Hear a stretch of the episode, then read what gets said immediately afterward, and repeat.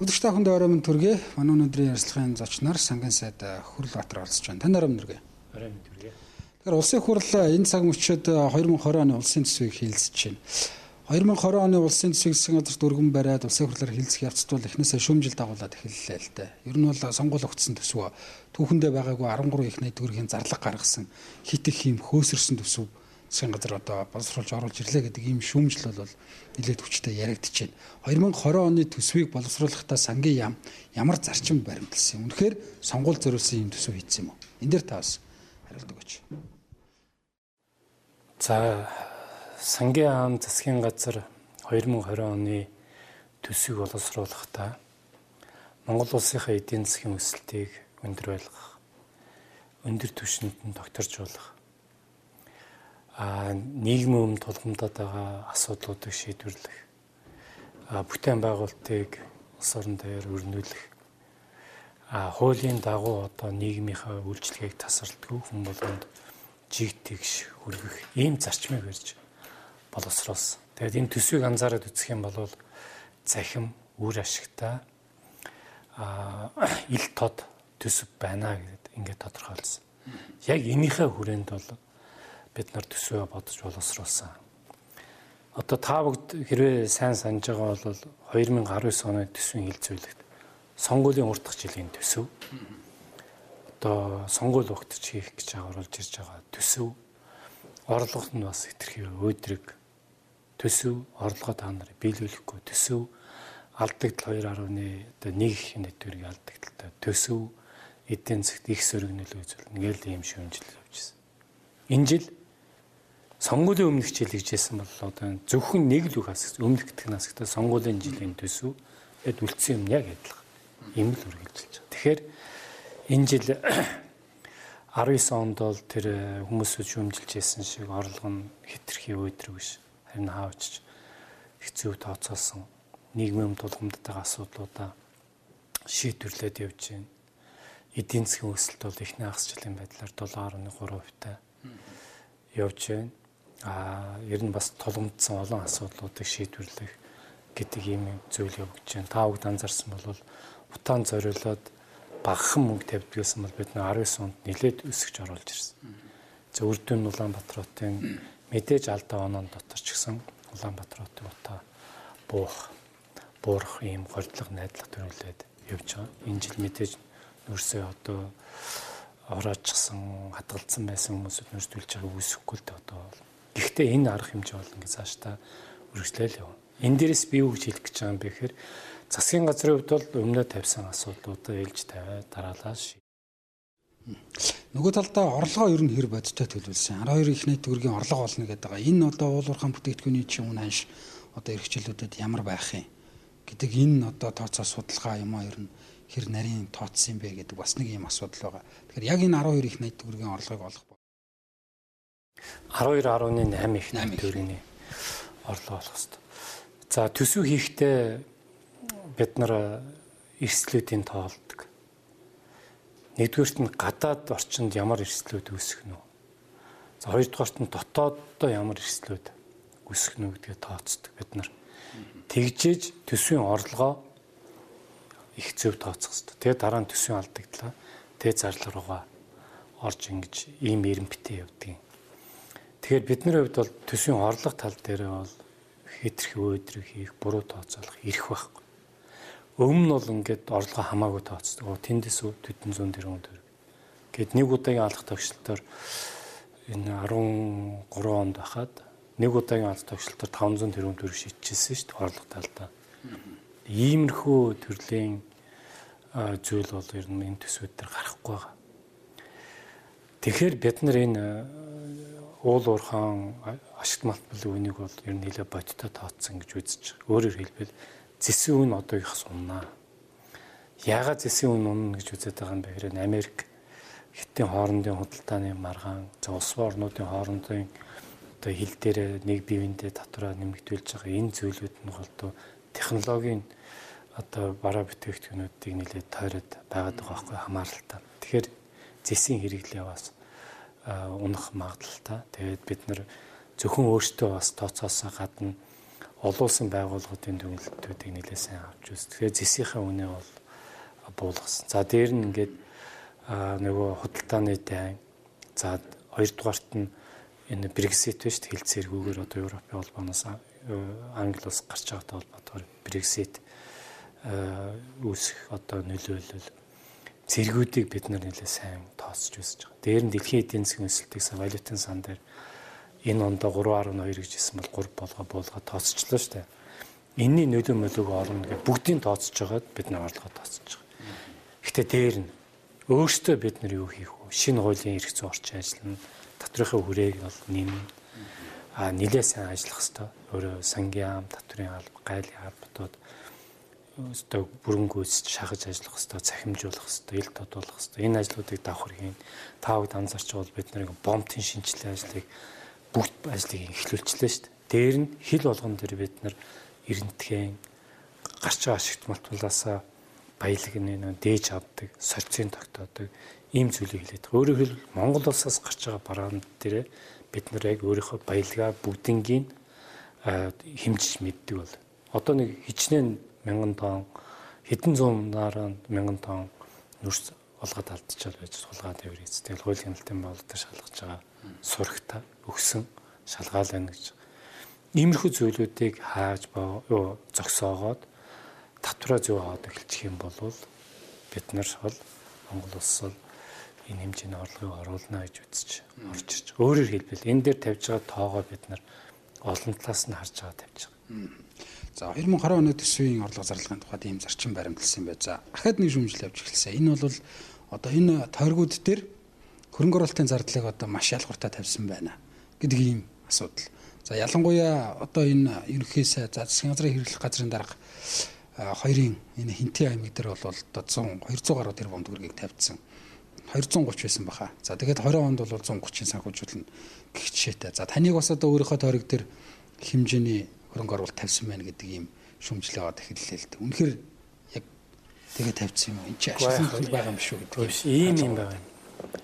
За улсын хөрөнгө оруулалтыг хийхдээ бид нар бас л зарчим барьдаг. Яагаад тэгэхээр ч одоо энэ дэр чинь тийм өнгөц санд жирээс болохгүй шүү дээ. Тэгэхээр нэгдүгээрт нь бид нар ямар зарчим тавигдсан бэхээр урд өмнө тавигдсан хөрөнгө оруулалтуудыг бүгдийг дуусгах гэж зарчим барьсан байхгүй юу? Тий. Энэ хамгийн гол зарчим байна. Тэгэхээр чин а хөрөнгө оруулалтын нэлээд хэмжээ эндээ гараад ирж байгаа. За үүний дараагаар концессийн гэрээнүүд байж байгаа. Гэхдээ хөрөлсөхийн засгийн газар байгуулагдсанаас хойш нэгт төрөний концессийн гэрээ байгуулав. Одоо орж ирж байгаа энэ зүйл нь бол нийтдээ үндэсний хөгжлийн газраас 500 гаруй тэрбум төгрөгийн концессийг санхүүжүүлэх хүсэлт орж ирж байгаа. Тэрүүн дотроос бид нар ажил нь дуусныг л авч байгаа. Ажил нь дууссан шүү. Дуусаагүй байгааг юм биш. Тэрвийг нь ажлын дууссан концессиудыг л санхүүжүүлэхээр авч байгаа. Дуусах гэж байна. Одоо дуусах төстэй өчөө хүн бага ажил үлдсэн гэдгээ бид нар ерөнхийд нь бол авахгүйгээр зөвхөн дуусныгаа аваад оруулж ирж байгаа. Тэгэхээр одоо тэр заа нэг намайг бол ингээд сум хооронд ингээд амжуулаад баг концессийн гэрээ хийх гэж нэг тийм яриад илээ шүү дээ. Нэгдүгээр тэр бол өөрөө үндэслэлгүй. Ягаад гэхээр эн чинь ихэнх ихэнх тэрбумны замыг гэж чинь тийм. Ихэнх нь а завхан баруун аймгаар явж байгаа нэг мянганы чиглэлийн зам шүү дээ. Эн чинь баригдаад дээгүүр машин яваад 2 жил болсон замууд байхгүй. Концессийн гэрээ нь 15 онд ерөнхий сайдаар сайхан бэлэг одоо энэ ардс намын бүлгийн даргуул Эрдэнэт энэ гар хэсэг зурсан зөвшөөрлийг болгосон концессийн гэрээнүүд. Одоо энэ бүх юмуд санхүүжигдэж байгаа. Тэр үед нь гэрээнүүдээ сонгон шалгаруулалт нь явагдсан. Ийм гэрээнүүд байгаа. За нэг нь 17 оны 2 сард байсан баха. 2017 оны. Ихтэй ажил нь хийгдсэн. Ийм гэрээнүүдийг бид нар санхүүжүүлж байгаа. Хөрөлсөхийн засгийн газар нэг ширхэгч концессийн гэрээ байгуулаагүй байгуулгач. А тэгэхээр бас л зүгээр нэг ус төржүүлэх зорилгоор мушигж тэгж ярьж байгаа. Тэгэхээр энэ бол самар руу зам тавьчлаа гэдэг юм. Тэр чинь ингээд замаараа зөчнөө олон аймаг дамжаад явж байгаа зам нь шүү дээ. А санхүүжилт нь ягарахгүй энэ дээр тавигдж орж ажил нь хийгдсэн гэрэн байна. Түүнийхээ дагуу хийгдэх сөрөг аргагүй шүү дээ. Хийх ч ёстой. Ягаад тэр замын санхүүжилтийн гэрэн байгаа үед хийхгүй. Тэгвэл бид нар өөртөө хариуцлах юм бас хүлээ дээ. Ингээ яв. За үүний дараагаар засгийн газрын одоо хөтөлбөрүүд байдаг. Аялал жуулчлалыг хөгжүүлэх дэмжих чиглэлийн байна. Ялангуяа аялал жуулчтай холбоотойгоор иргэн агарын тэмдэглэлээ бараалчилсан Улаанбаатар хотын Монголынхаа түүхтэй холбоотой соёлтой холбоотой, уламжлалтай холбоотой, байгальтай холбоотой ийм аялал жуулчлалыг хөгжүүлээд Улаанбаатар хотчны бас нэлээд барилгууд байсан. Тэ мэ? Тэгэхээр бас л дэрэг хүмүүсөө шүүмжлэл төс төртгийн асах хэрэгтэй. Аюу ингээд яригдал баг шүү.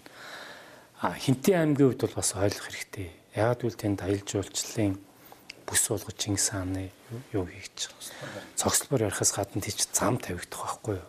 Тэгээ зам мамынхын зардлыг хаа хичвэл харьцангуй гайгүй шүү дээ. Тэгээд дээдлэлт нь бид нар бол Чингис хаанаараа бол бүгд тэр Монгол хүн болгон бахархдаг. Ярддаг.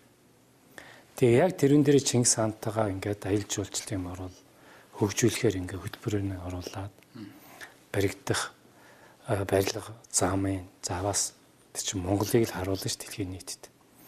Тэрүүнтэй холбоотой зарим хөрөнгө оруулалтын ажлын хэрөө их байна. Асах хэрэгтэй. Ялгууртай байна гэдэг. Ингиж ийм сэтгүүгээр хангалттай байвал Монгол ус эцэж өгчгүй. Улаанбаатар хотч чинь зөвхөн цэвэрлэх байгууламж нь 350 300 сая доллар.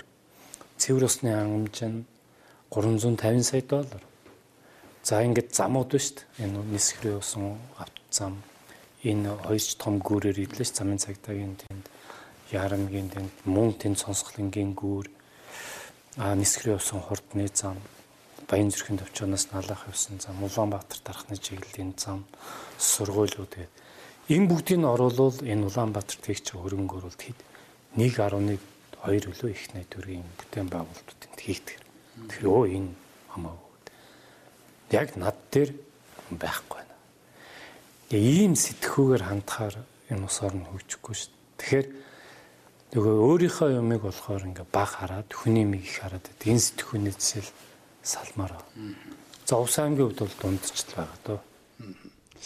Төсөвтэй холбоотой бас нэг маргаан. За энэ 7 хоногоос бас гадуур нэлээд яриад ах шиг байна. Нөгөө хавдрын эмнэлэгтэй холбоотой асуудал. Таныг бол одоо энэ хавдрын эмнэлгийн өргөтгөлийг барих 20 тэрбум төгрөгийг бол харамлалаа. За Хүрлбаатар бол хүний өвчин зовлонг ойлгохгүй байна гэдэг нэг ийм шүүмжлэл яваад эхэллээ. Тэгэхээр ягаад 20 оны төсвүүдэр тэр 10.8 байсан баг. Тэр 20 тэрбум төгрөгийг хавдрын эмнэлгийг өргөтгөх хэн санхүүгийн их усрын шийдэж болоогүй юм байна. Энэ дэр та бас нэг тайлбарлая. Гэхдээ тэр бол дэндүү хариуцлагагүй зүйлүүд олон хүн ярьж байна л. Юу вэ гэхээр засгийн газар бол энэ төсвийг 10 сарын 1-ээс өмнө усын хурл дөргөн мэдүүлэх хуультай. Тэгээ бид нар бол 10 сарын 1-ээс өмнө бол төсөв өргөн барьсан. Төсвийг өргөн барьж байхад барихад ийм санал огт ирээгүй. Сангийн ам. Нэг ширхэг санал. Яг үнэ. Тэгээ 19 тэрбум төгрөгийн одоо дараа нь ярих 19.7 тэрбум төгрөг гэнэ. Задрага гэсэн юм та нар харсан уу? Хараагүй. Тэнд өргөтгөл барих гэж байгаа юм бол байхгүй шүү дээ. Хажууд нь барьсан имлэгийг л түрээсэлж авах. А 100 ороор нэмнэ гэдээсэн. А тэр хажуутлын имлэг нь Мэдээж мэдээж тэр чинь нөгөө бэлтгэх шүүний эмнэлэг гэдэг юм уу? Мэдээж тий. Тэгээд тэрүүгээ задрагаагүй янз бүрийн шийдвэр. Одоо хүртэл төсөв хилцэж байхад энэ дэр бол за түрээслэнэ гэж байгаа юм бол тэр түрээсийн шийдвэр нь хаана вэ? Түрээслэнэ гэдэг. Байхгүй. Хилцэж тохиролцсон үн өртөх нь хэд байгаа юм? Байхгүй асыг сонир ашиг сонирхлын зөрчилдөөний асуудал үүсэж байгаа шүү дээ. Тэргөө тэр хүмүүсүүд микрофон дээр ярих хэрэгтэй шүү дээ. Бэлтгэгчнээс асуумар юм байна тэгвэл те. Асуух хэрэгтэй. Дээдлэлт нь энэгүй ярих хэрэгтэй л доо. А түүнээс биш яг төсөө өргөн барьж байхад огт байхгүй болгочоод одоо энэ асуудлаа яриад тэгээд сангийн аамыг зарчмынхаа байр суурь барьсны төлөө а одоо юу гэдгийг өвчин ойлгохгүй байна тэрэ гэж. Тэр хавдар судлалын эмнэлгийн чинь ер нь асуудлыг нь мэдхийн дээдэр мэддэг хүний нэг нь харин би гэж ойрыг л ойлгож байгаа. Тэгэхээр энэ дээр бол тэр ном дүрмээрээ л юм явах хэвээр доо. Зүгээр хин чанга микроны өмнө орилсон хин одоо их гоё эргэлж ярьснараа биш. Энд тооцоо асуудалгаатай асуудлаа оруулж ирээд ярих явах хэвээр. Монгол улс саарл жагсаалтанд орлоо. Яг энэ саарл жагсаалтанд ороод магадгүй эдийн засгт одоо эрсдэл үүсэх юм бол энэ 20 оны төсөв яах вэ гэдгийг ер нь тооцсон уу засгийн газар? тооцсон. Хэрвээ та санаж байгаа бол бид нар төсөө улсын хур дүргэн мэдүүлчихэд сангийн ам дээр хэвлийнхэн туулж төсөө танилцуулсан. Танилцуулахдаа бид нар за энэ төсөв хийхдээ бид нар хит хитэн эрсдлийг авч үзлээ. Гэт гадаад дөрвөн эрсдэл, дотоод дөрвөн эрсдлийг тооцож тавьсан. Дотоод тулгарч болшгүй эрсдлийн нэг эрсдлийг бид нар саарлж агсаалтын байна Яагаад гэвэл энэ дээр ингээд яригдсан энэ зүйлүүд бол Монгол улс бол сар жагсаалтанд орох эрсдэлтэй болчлоо. Яагаад вэ гэхээр арилжааны банкуудыг өөрийн хөрөнгөө нэмэгдүүлэх шаардлагатай байсан. Эдийн засгт хэлэхээр арилжааны банкуд бас өөрийн хөрөнгөө нэмэгдүүлэх учиртай.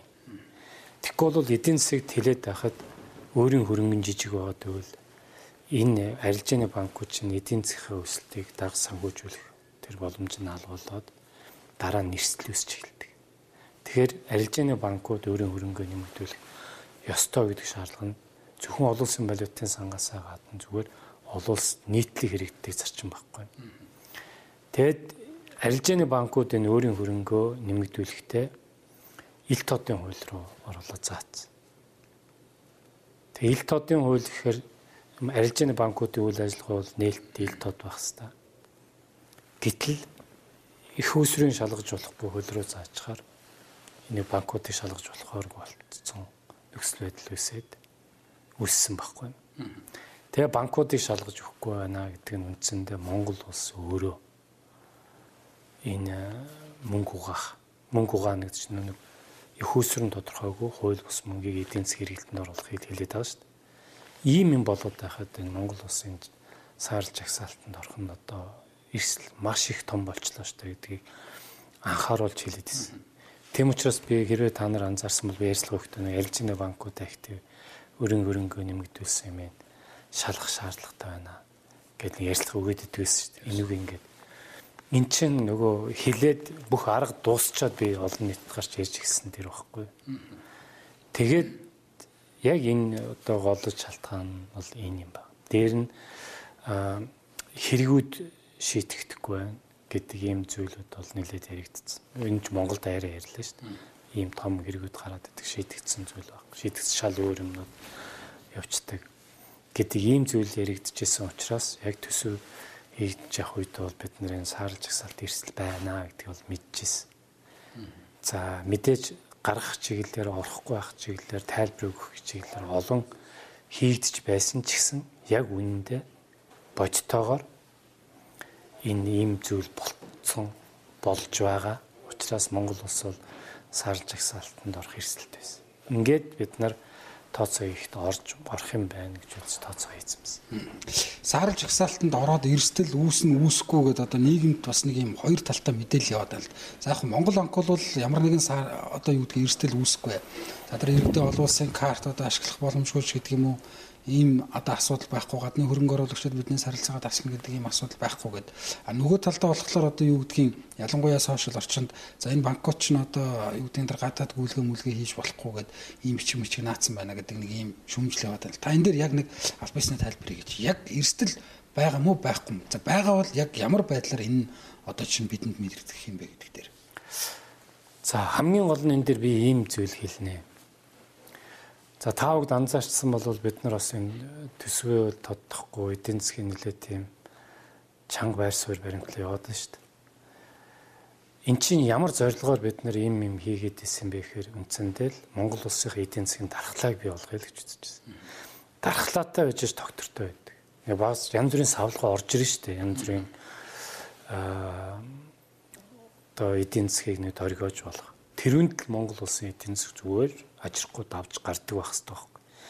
Энэ дархлааг бий болгох гал энэ валютын нөөц чинь 1 тэрбум доллараас одоо ингээд 4 тэрбум доллар орчимд ингээд очлоо өссөн. Төсөв ашигтай гарч. ирээдүйн сан гэд 363 өнөөдрийн байдлаар тэрбум төгрөгийг бид нар хоригдлыг бий болгочихсон. Ингээд эдийн засгийн өсөлт нь өндөр, экспортын орлого тогтвортой, найдвартай, худалдааны тэнцэл ашигтай. Ингээд ийм байдалтай байж явж байгаа. Энэ нь өөрөө Монгол улсын эдийн засгийн одоохонд дархлаа юм байна. Энийгээ улам цаашаа нэмэгдүүлж, улам л дархлаатай болгосон. За саарл жагсаалтанд орох тухай асуудал бол эдийн засгтэр тийм тодорхой бус байдал нэмж ийнүг л нэмж байгаа. Гэхдээ энийг дагаад хамгийн одоо зүгээр баярлалаа штэ юмны үг. Энийг дагаад янз бүрийн хориг арах хэмжээнүүд байхгүй. Санкц байхгүй. Яг Монгол улсад шууд хариалагдсан. Тэгэхээр эдийн засгт үзүүлэх тийм сөрөг нөлөө нь бол харьцангуй гайгүй. Бид нар бол ямар ч байсан энийг бол нэг тийм сүртэй юм болохгүйгээр даваад гарч байна. Дээр нь Тэр янз бүрийн шимтгэлийн хувь хэмжээнүүд нэмн барьна гэд нэмэгдэх байх гэсэн нэг Монгол банкнууд яриад байна л. Тэрүүн дээр бол харин бид нар л өөртөө сайн ажиллах хэрэгтэй шүү дээ. Банкудтай харилцан ойлголцоо дээрээд энэ дээрээс орсон үр дүнг нь ойл сөрөг үр дүнг нь тэг байлгахаар агаарах хэрэгтэй. Ерөнхий сайд бол бүтэн сая өдрөөс уулзж ярилцсагаас за саарлж гисалттай холбоотой асуудлууд яг ямар эрсдлүүд байж болох уу? Ямар арга хэмжээ одоо авагдах ёстой гэдэг гэх мэт нэлээд олон зүйл яригдаад тэгээд ерөнхий сайд бол богино хугацаанд гарах чиглэлээр одоо ажиллаа гэдэг үүрэг бол өгсөн баг. Тэгэхээр бид нар дараагийн хурлаар гарчих тийм иргэмэлцэл зорилго тавьж одоо ажиллаж эхэлсэн баг. Одоо аль хэдийн хэд хэдэн уулзалтууд тийм бас шүрмсээр ярина хүмүүстэй ярина Тэгээ сангийн хаан бол энэ дэр нэлээд итгэх санаачлагт орж ийн хамгийн гол нь хэрэггүй шийтгдсэн байх тухайн асуудал. Аржины банкуд дээр авах арга хэмжээ богдох хугацаанд хурдтай арга хэмжээнүүд авах хэрэгтэй. Үлбгээр биш. Хүлээж биш. Биш жоохон санаачлагтай гарч өрсөж тийм хурдтай л ажиллах шаардлага болох гэж байна. Дараагийн хурал нь гэхээр одоо хийцээ гэсэн үг. Энэ онд багтаад ч байсан. Энэ онд бол багтаж хурал байхгүй шүү дээ. Аа за. Тий. 6 сарын дараагаас хагас жилд нэг удаа уралддаг гэсэн. Тэр урал дээр л очинда. Саарл жагсаалттай холбоотой асуудал за яг өчтөр ингээд Нямдор сайдын хэлж байгаагаар бол 2015 онд ардсан нам олонх байхад энэ эдийн засгийн ил тод байлын тухай хууль батлагдсан. За энэ хуулийг батлуулсан бол хүн зандах үгийн холдоо гэдэг ийм зүйлийг ярьчихлээ. За тухайн үед та бүхэн ч гэсэн за та ч гэсэн их хурлын гишүүн байсан. Та бүхэн сүргүч юм байсан. Тэгээ энэ эрсдлийг тооцоох юм. Эргээд эн чинь одоо ийм асуудал руу бид нарыг хөтлөнө. Тэгэхээр энийг одоо баталж болохгүй юм шүү гэдэг энэ асуудлыг ярих боломж байгаагүй. За тухайн үед бол яригдсан шүү дээ. Тэгээд нилээд эсэргүүцэж хагаад буцааж исэн шүү дээ эхлээд. Тийм ээ. Эхлээд нэг орж ирээд бутсан. 3 сард нь буцаасан гэдэг үү? Бутсан. Тэгээд дахиж оруулж ирээд нилээд олон шүмжлүүдийн засаад эн чинь юу гэлээ үз баг хууль гаргаад юм уу ягаад баг устдахын чөлөө шатаан чөлөө нэг тийм мөхтэй тэр баг юм монд оруулахгүй тийм юм байс. Тэрийг нилээд ярьж байгаа л тэр шөмжлүүдийг суулгаад оруулж ирж исэн санагдчих. Гэтэ бол тэр хууль бол бүх юмний эхлэлээ шүү дээ. Тэрг бол яаж үгүйсгэж одоо өөр хүнлөө төлөх гэж оролдоод бол нэмэргүй л дээ. Тэр хууль бол олон удаа юм мөнгө угаахын эсрэг юм дээ. Одоо хамгийн муу жишээн дээр бол явжсэн. Дотоодын нийт төвтгөнийхээ хэмжээнээс их тийм мөнгө ил тод болгоцсон. Тэгээ тэрүүн дээр нь одоо тэр нь ашиглагтаад ингээ одоо тэр хамгийн гол асуудал нь. 2008 онд бас татрын өршөөлийн тухай хууль гараад тэрүүнтэй холбоотой юм явж байгаа манайх 11 онд бас их муу дүнэлтүүд авч ирсэн шүү дээ. Тэгээ Монгол бас хоёр дахь саарж ихсалтанд орж байгаа. Одоо тэгээд юу гэдгийг заах нөгөө хуулиар энэ чинь бас хоригдсан гэдэг байгаа. Энэ эдийн засгийн хэлтүүд байдлын тухай хууль чинь тэр нөгөө гаргаж ирсэн хүүсрүүдийн чинь одоо хаанаас яаж болсон гэдгийг одоо тайлгнаж тэгж олон нийтэд мэдээлэх гэдэг юм уу. Тэгэхээр одоо юу гэдэг энэ ихсаслал гарахын тулд бид хөө энийг үнэхээр одоо тэр хууль бусаар олсон хөрөнгө байна уу юу гэдгийг нотлох шаардлагатай болж байгаа шиг байна л. Тэгэхээр энэ хуулийг одоо дахиад засч гэдэг юм уу энэ асуудлыг ингэж эргэж шалгах боломж байгаа юу ер нь? Эдгээр хуулиар болохгүй ч гэсэн. За би яг одоо тэрэнд хичнээн хүн хамрагдсан аж ахуйн нэгж компаниуд яаж орж ирсэн энэ бол сайн тоо хэмжээг нь бол үнэхээр мэдэхгүй байна. Зүгээр 35 их 84 гэдэг бол тухайн үеийнхээ бол дотоодын нэтгэгдэхүүнээс их тоо байсан тухайд. Одоо бол дотоодын нэтгэгдэхүүнээс бага болцсон шүү дээ. Аа зүгээр саарл жагсаалтаас гарахын тулд бид нар их богинохон хугацаанд аа то арга хэмжээнүүд авч хийх хэрэгтэй. Гэтэ энэ иймэрхүү төрлийн өршөөлөө хуулийг дахиж гаргахгүй гэдэг амлалтыг бол нэлээд сайн өөх өөх ёстой болов. За амлалт өгөхөөсөө гаднаас тодорхой хэмжээний ажлууд зохион байгуулагдах бах. Тэгээд тодорхой ажлын төлөвөө одоо манай аймныхан боловсруулж байна.